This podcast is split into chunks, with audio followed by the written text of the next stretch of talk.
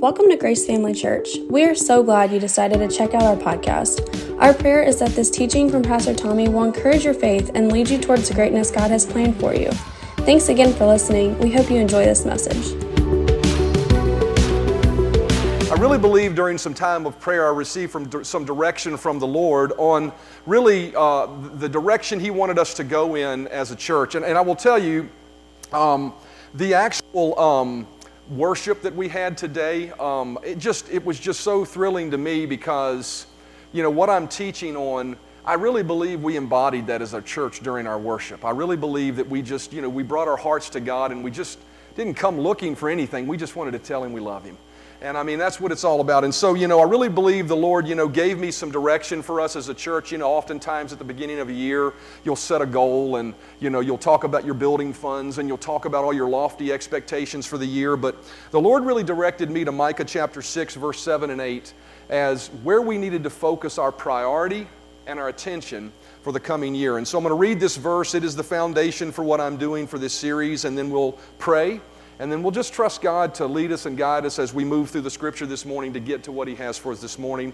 Mark chapter 6, verse 7 and 8 says, Will the Lord be pleased with thousands of rams, ten thousands, ten thousands, thousand rivers of oil? Shall I give my firstborn for my transgression, the fruit of my body for the sin of my soul? He has shown you, O man, what is good, and what does the Lord require of you? But to do justly, to love mercy, and to walk humbly with your God. Let's pray before we start. Father, thank you so much that you love us. Thank you that you care for us and you love each person here.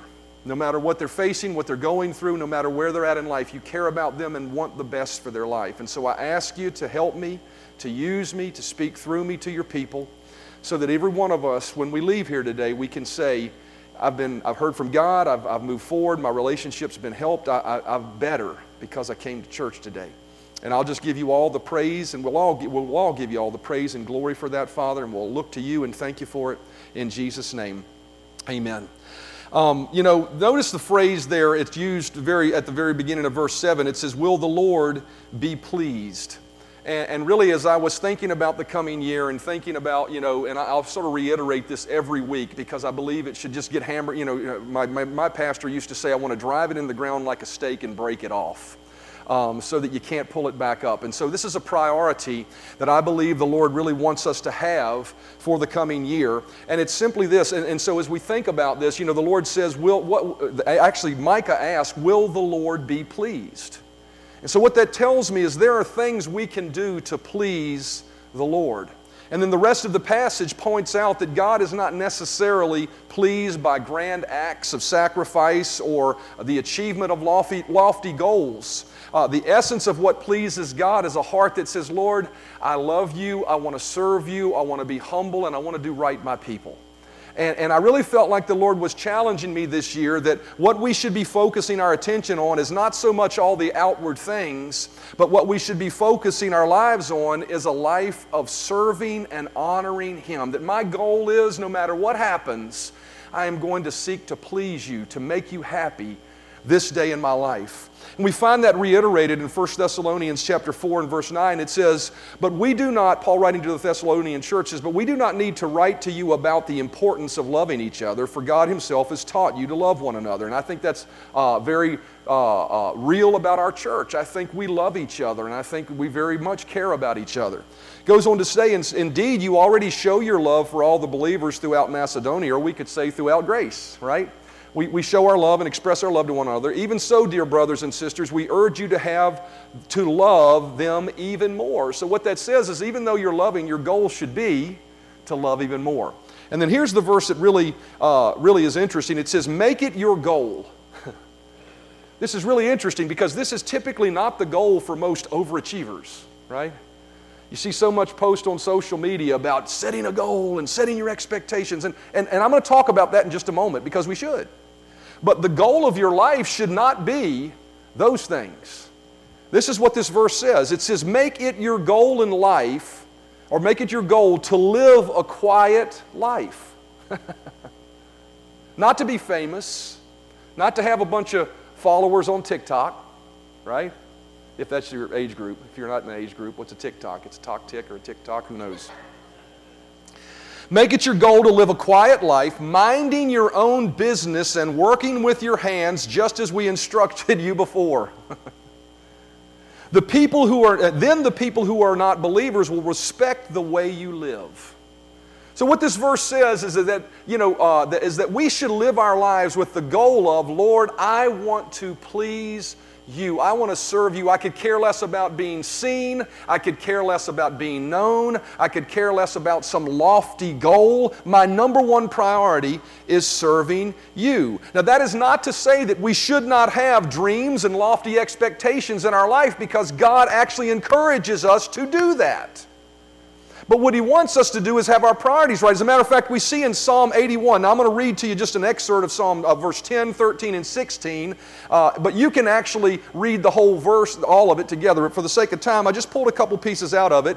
And this is what it says in Psalm 81 it says, I am the Lord your God who brought you out open wide. Everybody say open wide.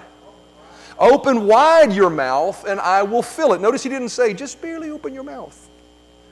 He said, Open wide your mouth and I will fill it. I will subdue your enemies. I will feed you with the finest of wheat, with honey from the rock. I will satisfy you. And so notice, just because we're saying that our goal should be to live quietly and humbly and to serve God, it doesn't mean in the midst of doing that that we shouldn't expect great things.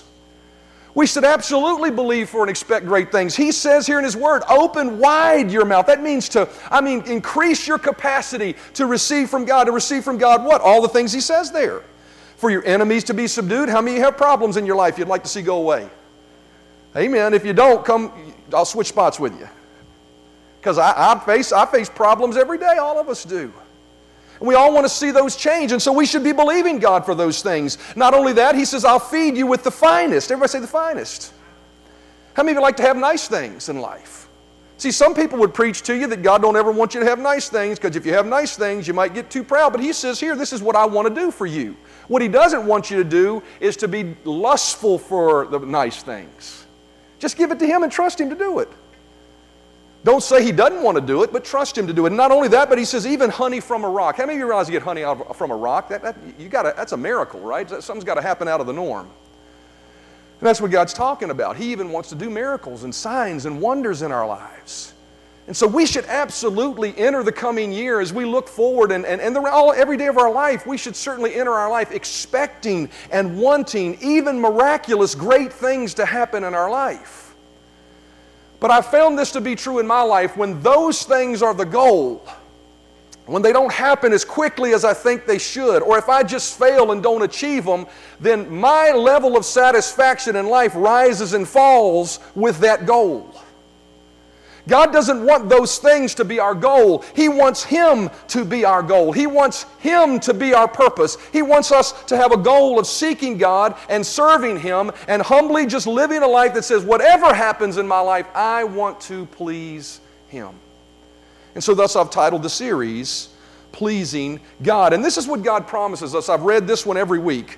This is what God promises us. When we make that our goal, when we say, Lord, I, all the rest of it, I'm believing you for it because you've promised it to me and you desire to bless me, but my goal is, regardless of any of that, I want to serve you. When we do that, notice Psalm 91, verse 14 through 16 says, or verse 14 actually says, Because he hath set his love upon me. That's my question for you in this whole series. Have you set your love upon him? Is he your priority? Because he has set his love upon me, therefore will I deliver him. I will set him on high because he hath known my name. That's a promise worth shouting about this morning. If you'll just make him your priority, he'll take care of the rest. Look at your neighbor and say, He'll take care of the rest. And so, in this series, what we're doing is we're looking at the things we can do every day that pleases God, right?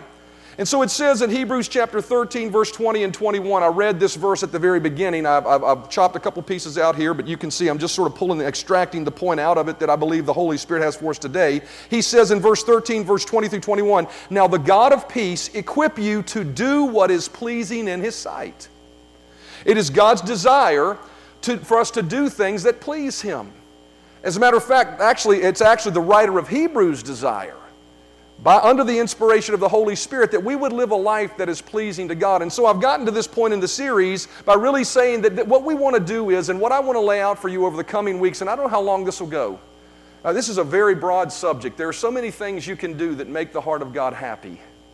And I'm going, to be, I'm going to be talking about those things. But what I want to do, and I'm going to, I really felt the Lord challenging me, to, this to be almost a dual message, for lack of a better way, if you're much of a homiletic type of person. I want to preface every message with us understanding and backing it up by Scripture that when we talk about living a life that is pleasing to God, we are not talking about living a life to earn your salvation or to earn a blessing from God because that's what that's immediately where people's minds go to. I got to do these things and check these boxes for God to love me, for God to bless me, for, for God to even save me so I don't go to hell. But I want to reiterate, and I'm going to do it every week in different ways, that before we ever get to the thing today that I believe God wants us to focus on, I want you to understand something that when Jesus died on the cross and shed his blood for you as a sacrifice for your sins, and when you accepted him, that is all that was necessary to satisfy anything God needed to have satisfied to save you, to bless you, and to set your life in a good place. You can't earn it. You can't work it out. You can't do it on your own. We've all proven we've fallen short of that. They are a free gift. Everybody say a free gift. So your salvation and every blessing of God in your life is a free gift from God. 1 John chapter 3 and verse 1 says, Behold what manner of love the Father hath bestowed on us, that we should be called the children of God. That verse says that God has bestowed upon us the right to be called a child of God. That word bestowed is the, the Greek word didomai, and it means this to offer, to give of one's own accord as a free gift. So when he says he bestowed it upon us, he actually, when we accepted Christ, what he did was he gave us, we didn't earn it. How many of you know you couldn't earned it? How many of you know you've all fallen short? Maybe just this morning on the way here you might have fallen short, right? Who knows? You didn't earn your salvation. He gave it to you as a free gift. And that free gift of salvation is something that we did not get uh, on our own. It's something that He granted to us. And when He granted to us the right to be children of God, He also gave us the right to everything that is at heaven's disposal. See, 2 Peter chapter 1 and verse 3 says, His divine power has granted. Everybody say past tense. His divine power has granted, or it says in the King James Version, hath given to us everything pertaining to life and godliness. He has granted to us His precious and magnificent promises. So before we ever get to talking about pleasing God, I want you to understand He's already relinquished from His hand. There's nothing more you need to do to walk in and receive the blessings of God as it pertains to Him. Box already checked. He's released every promise. It already was, when Jesus said it is finished, I mean, He released healing. He released forgiveness. He released salvation. He released prosperity. He released your needs being met. He released all of those things. Most people come to God looking at Him like He's holding it in His fist as if they need to beg Him to let it go. But what this verse says and what Jesus declared in Luke chapter 4, he said, I came to proclaim. He said, The Spirit of the Lord is upon me, and I proclaim, came to proclaim in the Amplified, it says, the day when the free favors of God profusely abound. See, everything God has, it's no longer in His hand. It's released to you. It's available for to you to receive it because of Jesus. All you've got to do is receive it. He extended great and precious promises to us. And so we're not talking about living a life that checks a box. We're not talking about earning a promise of God. If you need healing this morning, there is nothing you can do to earn it. You just need to believe that God wants to do it and He will heal you this morning. It's that simple. If you're facing a problem, don't beg God to move it. Believe He's already given you the power to move it and trust Him that His power is working behind the scenes to move it, right?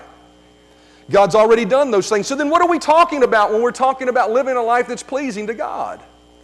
That word pleasing in our opening text, it actually means this. It means, and we pointed out last week, it means gratifying, satisfying, or that which pleases or makes one happy. See, when we're talking about living a life that is pleasing to God, we're talking about doing things that we bring to God that give His heart joy. He's already relinquished the gifts. So it's not about that. It's about actually saying, Lord, I recognize you're so good to me that I want to bring you a life that causes you to smile. And that's really the point of what I want to get to this morning is, and, uh, the point of our whole, whole series and, and, and setting the tone for this year is, I want us to be a church that is full of individuals that are, are, are in their seats worshiping, and those that came forward this morning, were, they were coming because they were like, Lord, I want to just, I, I'm not, I just want to give you my life. I just love you that much. When we come with that attitude, not to extract something from Him, but to give something to Him because we love Him, that makes His heart happy. And you know, we're not so much different than God. How many of you realize that when we come to, when people come to us to bless us? I mean, I think about the story of these two getting engaged, and they're telling the story to me as I'm uh, between you know the, the break here. And um, uh, so Justin gives her the ring. And before he can even put it on her finger, she's screaming so loud that she said they thought they might have to call the police. She was so excited about it. What made her so excited? Was it because Justin had to come and give her a ring if he wanted to be her wife? No, what made her so excited is that someone loved her so much to say, I want to make you the focus of my life. That's the kind of relationship we want with God. That's the kind of relationship we want to have for Him. We want to come before Him saying, Lord, I am bending my knee. I'm giving you my gifts. I'm giving you my life because I want to make you happy. That's what this is all about. So, what are those things that we can do that make the heart of God happy? I want to talk to you about just one thing this morning Hebrews chapter 11 and verse 6. It all starts right here with this. It says, But without faith, everybody say, without faith. Without faith, it is impossible to please Him. For he that cometh to God must believe that He is, and that He is a rewarder of them that diligently seek Him. So, to start it all off, if we want to please God, we have to have an attitude of faith towards Him. It says, without faith, it's impossible to please Him. So, how do we have an attitude of faith toward Him? It's really two simple things. The verse tells us that. Number one, it says we must believe that He is, and we must believe that He's a rewarder. So I want to talk to you about those two, th- two things as we sort of bring this message to a close. First of all, we must have a faith if we want to please God, if we want God to, and once again, remember this, it's not about earning something from Him. It's not about doing something to stay in His good graces. The blood of Jesus keeps you in His good graces. This is about if we want to live a life that causes Him to go, wow, man, I'm so, I love them so, I'm so, they made me happy. See, sometimes I don't think we see God that way. I, I, focused on that a little bit last week. God is a God of emotion. He is, I mean, He's a spirit, and He's not ruled by emotion, but you can read through it. He gets angry, He gets happy, He has joy. We want to make Him happy. Like the people we love in our lives, we want to make happy, right? We want to make Him happy. And so the first thing we got to do is believe that He is. Embracing at a base level that God actually exists makes the heart of God happy. Psalm 19 and verse 1 says, The heavens declare the glory of God, the skies proclaim the work of his hands. Day after day they pour forth speech, night after night they reveal knowledge. They have no speech, they use no words, no sound is heard from them, yet their voice goes into all the world, the, the earth, their words to the ends of the world. What's it saying? It says, Creation itself declares that there is a God. The Bible says, A fool hath said in his heart, There is no God. You cannot see the dynamic design of our creation and not just settle on, even without any type of spiritual mindset, just practically, there's no way you can settle on. There's not some sort of divine design to all of this. And so, someone stopping for a moment in their life from the hustle and bustle and the rushing around to stop for a moment and just step back and say, wait a minute, what, what, what am I here for? And to recognize that there is a God there's an element of that that's pleasing to God. But I will say this simply acknowledging that God exists from a distance is not really what makes his heart happy. When the scripture says that we must acknowledge that he is, it's not just saying, well, I believe there's a God, and we run on about our life. It's the life that daily and intimately acknowledges that there's a God that makes him happy. Psalm 63 and verse 1 through 8 says, and these are verses, separate, different verses, it says, You, God, are my God. I earnest, earnestly I seek you. I thirst for you. My whole being longs for you. I will praise you as long as I live. In your name I will lift up my hands. On my bed I remember you. I think of you through the watches of the night. I cling to you. See, what that verse expresses is that the, the, writer there, David, he had a heart that was always acknowledging God, constantly thinking about God, constantly pressing in. That is what makes the heart of God happy. Not because we check a box, but because we're expressing to Him, I love you so much, I want to get to know you. I got to tell you, when we think about that for a moment, I think about, you know, today's going to be a playoff a football game. How many of you looking forward to the playoff football games? How many of you happy with the outcome so far? Maybe some, some maybe not. Um, so, so I can tell you what's going to go home. I'm, we're going to go home. We're going to eat dinner. I'm going to sit down on the couch, actually my chair, and I'm going to watch football games. And at some point during the football games, my wife's going to come in and say something, and I'm not going to hear her.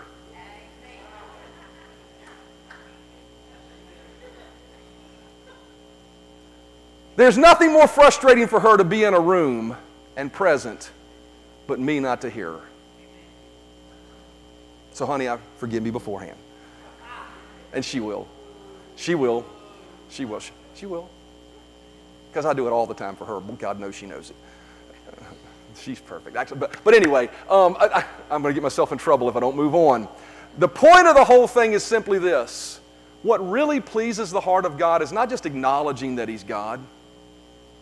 Well, you know, somewhere in the back of my mind, I always know God's around.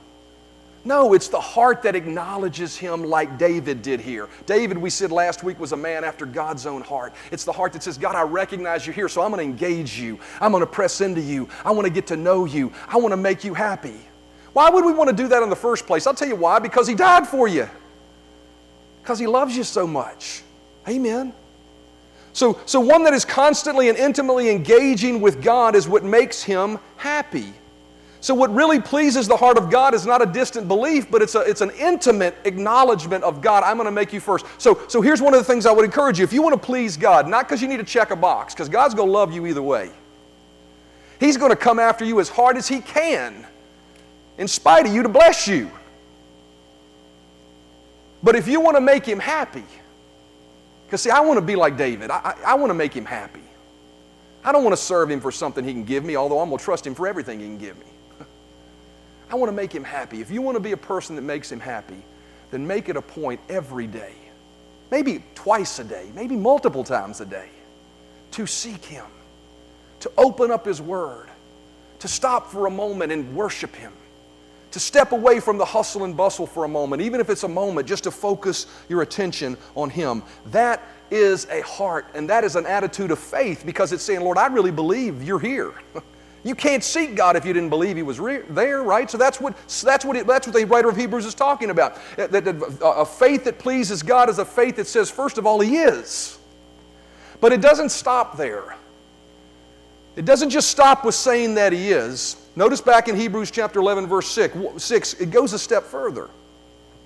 It says, But without faith it's impossible to please Him, for he that cometh to God must believe that He is, and, and,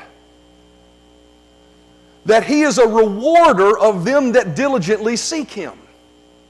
So, living a life of faith that pleases God is not only believing that He exists, but also believing that He's a God that wants to reward me. He's a rewarder. There are many, many that believe that God exists, and even those that will serve Him because of His awesomeness and power. But I can tell you, if you're only serving God because of His awesomeness and power, that does not make God happy. I'm going to show it to you in Scripture in a minute. Because you're serving Him out of fear instead of serving Him for who He really is. And the reality of everything that I'm not really sharing this morning is this, and, and, and that verse is this, is that God, what pleases and makes the heart of God happy is us believing that He is and knowing who He really is not buying the religious lies that would tell you he's something different, not buying the circumstance that would scream something different, but actually choosing to believe who He is in the midst of whatever you're going through. See, believing that He is and that He's a rewarder. I mean, think about it for a minute. You know, have you ever had some, have you ever tried to do something good for someone and they misunderstood your motives and got angry at you over it? How frustrating is that? It's frustrating. Why? Because your motives were misunderstood. You were judged by a different standard than what your character really is. Right? Now, if you just intentionally did something wrong, but I'm saying you just genuinely wanted to bless somebody and help them, but then they turned around and said, No, you're the cause of my problems. How many of you realize that's frustrating? That's just as frustrating to the heart of God. And I'd submit to you today that a life that comes to God out of fear alone doesn't bless the heart of God, it hurts the heart of God rather than brings him joy. Why? Because it misjudges his character, it misjudges who he really is. A life that really brings joy to the heart of God is one that truly acknowledges his great benevolence and kindness that is the guiding force behind his awesomeness and power. See, Psalm 145, verse 8 and 9, this is, my, this is probably my favorite verse in the entire Bible. If you want to know what lies behind the philosophy and doctrine of your pastor, it is this verse. It is the underlying truth for everything I believe. And I believe it's the underlying truth for everything the Bible teaches. It says, The Lord is gracious and full of compassion, slow to anger and great in mercy. The Lord is good to all, and his tender mercies are over all his works.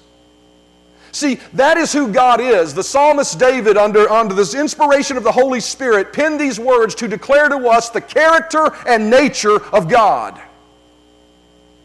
Those words are the embodiment of 1 John chapter 4 that tells us God is love. See, what this verse tells us is that God is a good God. Everybody say, God's a good God. A life that embraces this rewarding, benevolent nature of God is one that brings joy to who God is because it sees Him for who He really is. We're coming to Him on the basis of, of the fact that we have opened our heart in a way that He's expressed His true nature to us. Right? Psalm 103 and verse 1 is a great verse, but this verse that I'm going to read to you standing alone doesn't give us the full picture. See, 103 and verse 1 says, Bless the Lord, O my soul, and all that is within me. Bless his holy name. Many, many believers, that's the verse they stop at. I'm going to bless the Lord, O my soul, and bless his holy name. And in nobility, they stand and say, I will bless him. And I, even, if, even if he does bad things to me, I will bless him. But the reality is, the next few verses remind us that God doesn't do bad things to us. What it says in verse 2, it says, Bless the Lord, all my soul, and forget not all his benefits. When you stand blessing him, don't forget his benefits. Who forgives all your iniquities, who heals your diseases, who redeems your life from destruction, who crowns you with loving kindness and tender mercies, who satisfies your mouth with good things, not bad things so that your, your youth is renewed like the eagles. See, those verses round out the attitude we should have toward God is, Lord, I believe that you are, and I'm going to bless you with all that's in me because you are God, but I'm going to do it with an understanding that these other verses are true, that I'm doing it and knowing that you are true and good. Knowing that you do good things in my life. Notice that verse says it doesn't forget. I say, don't forget.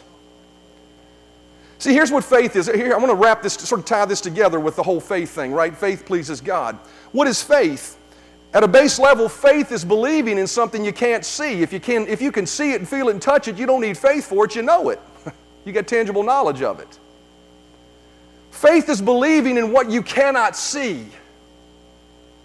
So when your body is sick, and he says, By his stripes you're healed, believing that truth in spite of what the facts tell you is what faith is. It says, I'm going to believe this in spite of this until this change, until the facts change and the truth comes to light.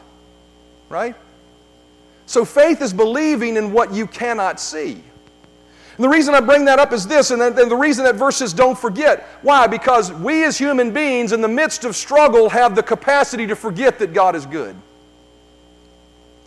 We have the capacity to believe the religious lie that the problem we're facing is from the hand of God when it's not a good thing.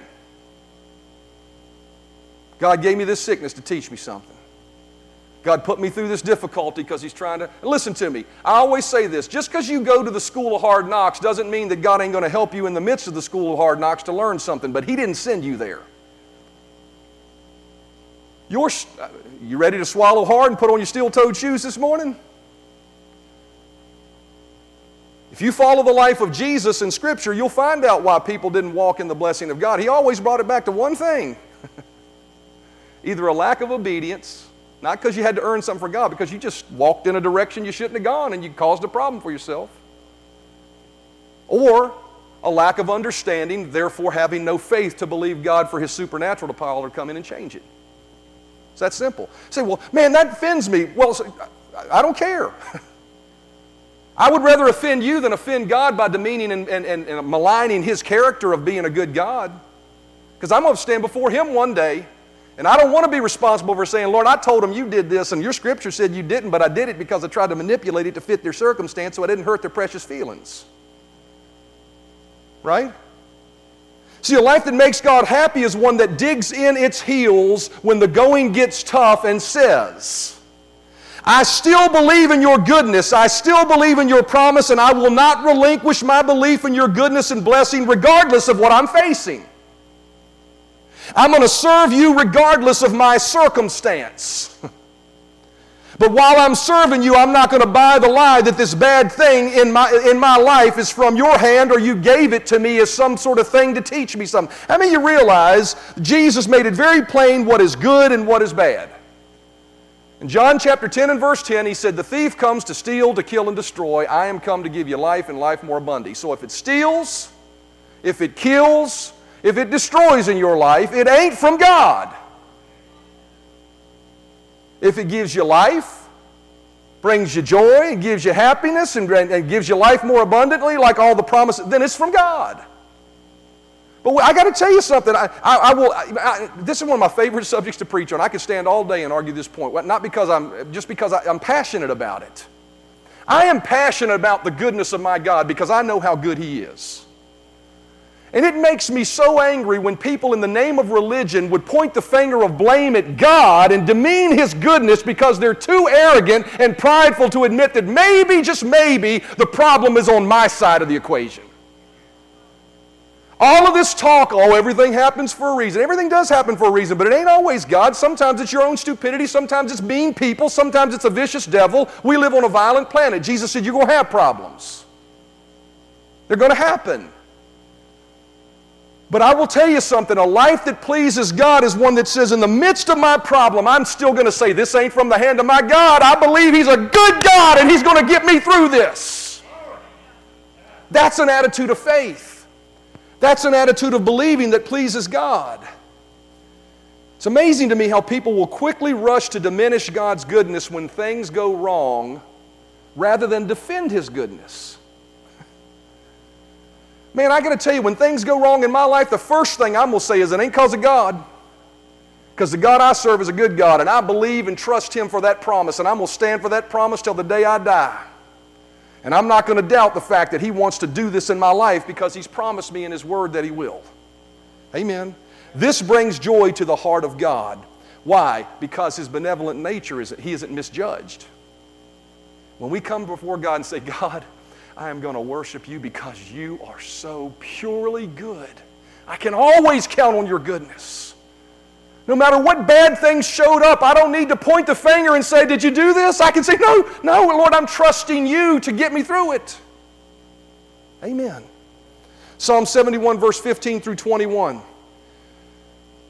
And the Good News translation and the message, it says this it says, I will tell of your goodness. All day long I will speak of your salvation. This is, a, this is the kind of heart that pleases God. This is the kind of faith that pleases God. It says, I will tell of your goodness all day long. What does that mean? When I'm up, when I'm down, when it's bad, when it's good, I will still declare the goodness of God.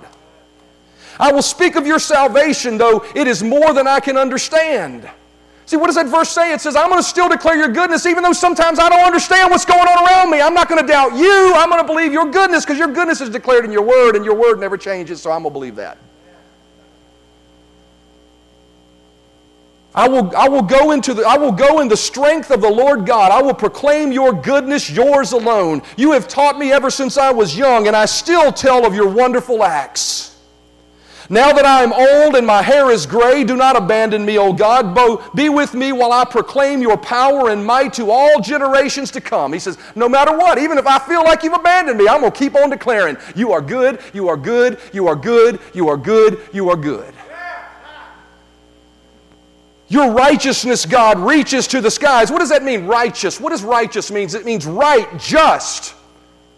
It means you do what is right. You, you, you don't change, you don't waffle. You're not good one moment and bad the next and cause us to live wandering around in mystery, wondering whether the bad things in our life are the good things and the good things in our life are the bad things. You're righteous. God, your, your righteous God, reach, righteousness, God reaches the skies. You have done great things. There is no one like you. Now, I love this next phrase. I had to study this out because in the Message Bible, it says it like it literally means it in the Hebrew. It says, You made me to stare trouble in the face. You made me to stare trouble in the face. What does that mean? In the light of all these scriptures. Think about it for a minute when a problem shows up, your face, if you're going to deal with it, you got to look at it.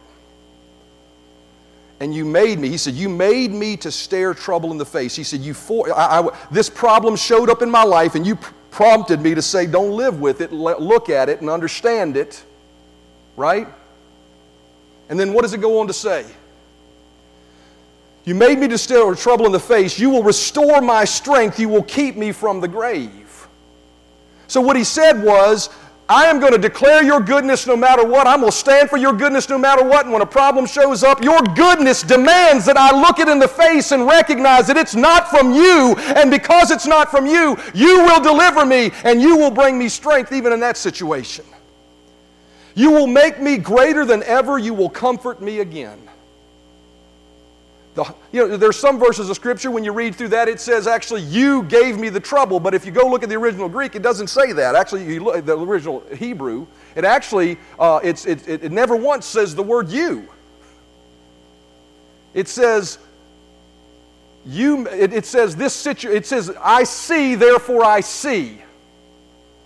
That's the literal Hebrew meaning of that first part of that phrase of verse 19. It says, I see, and therefore because I see, I recognize you will restore my strength. And so God is a good God. And so there are ways we can live our life that are pleasing to God as the musicians come. There are ways that we can please Him with our life. And one of the ways we can please Him with our life is with an attitude of faith. An attitude of faith that says, Lord, I first of all believe that you are, and because I believe that you are, I am going to seek you because you're my creator. I'm going to make you the priority of my life. I'm going to make you the goal of my life. But then it goes a step further to even say this. It says, Lord, I'm not only going to seek you, but while I'm seeking you, I am going to hold on to the fact that you are a rewarder, that you're a good God, and that no matter what comes into my life, I will not relinquish the belief that you are good. See, what I want to encourage you today, this morning, is to embrace a relentless faith in God, a relentless faith in His goodness. See, the scripture teaches us that that pleases God. Hebrews chapter 10 and verse 23 gives us a picture of what relentless faith is. A relentless faith in the goodness of God says, Let us draw near with a true heart and full assurance of faith. Let us hold fast. Everybody say, hold fast. Let us hold fast the profession of our faith without wavering, for He is faithful that promised. What that verse says is that we should have a faith that holds on and doesn't relinquish that He is looking to do good in our lives. No matter what you're going through, no matter what you're facing, no matter what your problem may be, if you're in a high time or a down time, I am encouraging you this morning if you want to bring pleasure to the heart of God, See, we, we could teach other messages on faith and how you use faith to receive from God, but that ain't what we're talking about this morning. We're talking about an attitude of mind and heart and life that, that, that we put before God that causes Him to smile. And it's this attitude that says, Lord, I will not relinquish. I will hold on to the fact that I believe you're faithful. I believe if you gave me a good promise in your word to do this in my life, then I will not relinquish the fact that you're good enough to do it. I will not let go. I will not relinquish, no matter how long it takes. You're going to face delays some. That's, I mean, that's why it says hold fast. It says hold fast because, you know, I remember Brother Hagin, you know, the founder of the Bible school I went to, he's gone and been with the Lord. But I remember he used to always say this the promises and blessings of God don't fall off, fall on you like ripe cherries falling off a tree. It requires holding on. It requires being tenacious sometimes. It requires saying, in spite of what I'm going through, I'm still going to serve you. In spite of what I don't understand, I'm still going to go after you. I'm still going to chase after you. And I'm still going to believe that you are good. When my answer doesn't come as quickly as I thought it should have, when something happens differently than I expected, I'm still going to believe and hold on to your good. And I'm not going to allow that to diminish and malign the goodness of God in my life. That pleases God. Hebrews chapter 13, verse 20 and 21, a little excerpt from each of those verses says, Now the God of peace equip you to do what is pleasing in His sight. My prayer for our church is that we would embrace an attitude that says, Lord, come what may we explode as a church and reach thousands, or if we remain where we're at right now, or we shrink, that doesn't matter, Lord. Come what may, I am going to serve you, and I'm going to believe in your goodness and trust no matter what's going around me that you're working your good in my life. That pleases God. While I'm doing it, I'm going to believe for every promise you've given me, because that pleases God. When you stand when you're sick and say, Lord, I still choose to believe that the goodness of God is expressed to me in healing. I may not feel it yet, I may not see it yet, but I'm going to trust you anyway. Man, when you do that, God goes, they believe in me. They realize I'm still working in them and around them and through them to bring to pass the promise. Amen. They're humble enough to admit that I may be the obstacle, obstacle, but I'm going to keep believing you to show me how to get those things out of the way. Amen. Amen. Bow your heads with me. Father, I pray I've conveyed this the way you've shared it with me and that would in a way that it would come from your very lips and your very heart. You love us so much, Lord, but you don't want us to serve you as minions and out of obligation and fear. You're just a good God that loves us so much. You sent Jesus to die for us on a cross. You have extended every blessing of heaven to us and made it available to us. Why did you do that? Because you just want to love us. So we receive that love, and in return, we bring you a life that says we believe that that's who you are. We love you. Be pleased with a heart that knows who you are is fighting to believe and stand for your goodness. Thank you, Lord Jesus. Thanks for listening to our Grace Family Church podcast. We really hope you enjoyed this message. If this ministry has blessed you in any way, we would love for you to get connected. Just go to gfcva.info to learn more about who we are, how to give to this ministry, or how you can get involved. Thanks again for listening, and we hope to see you soon.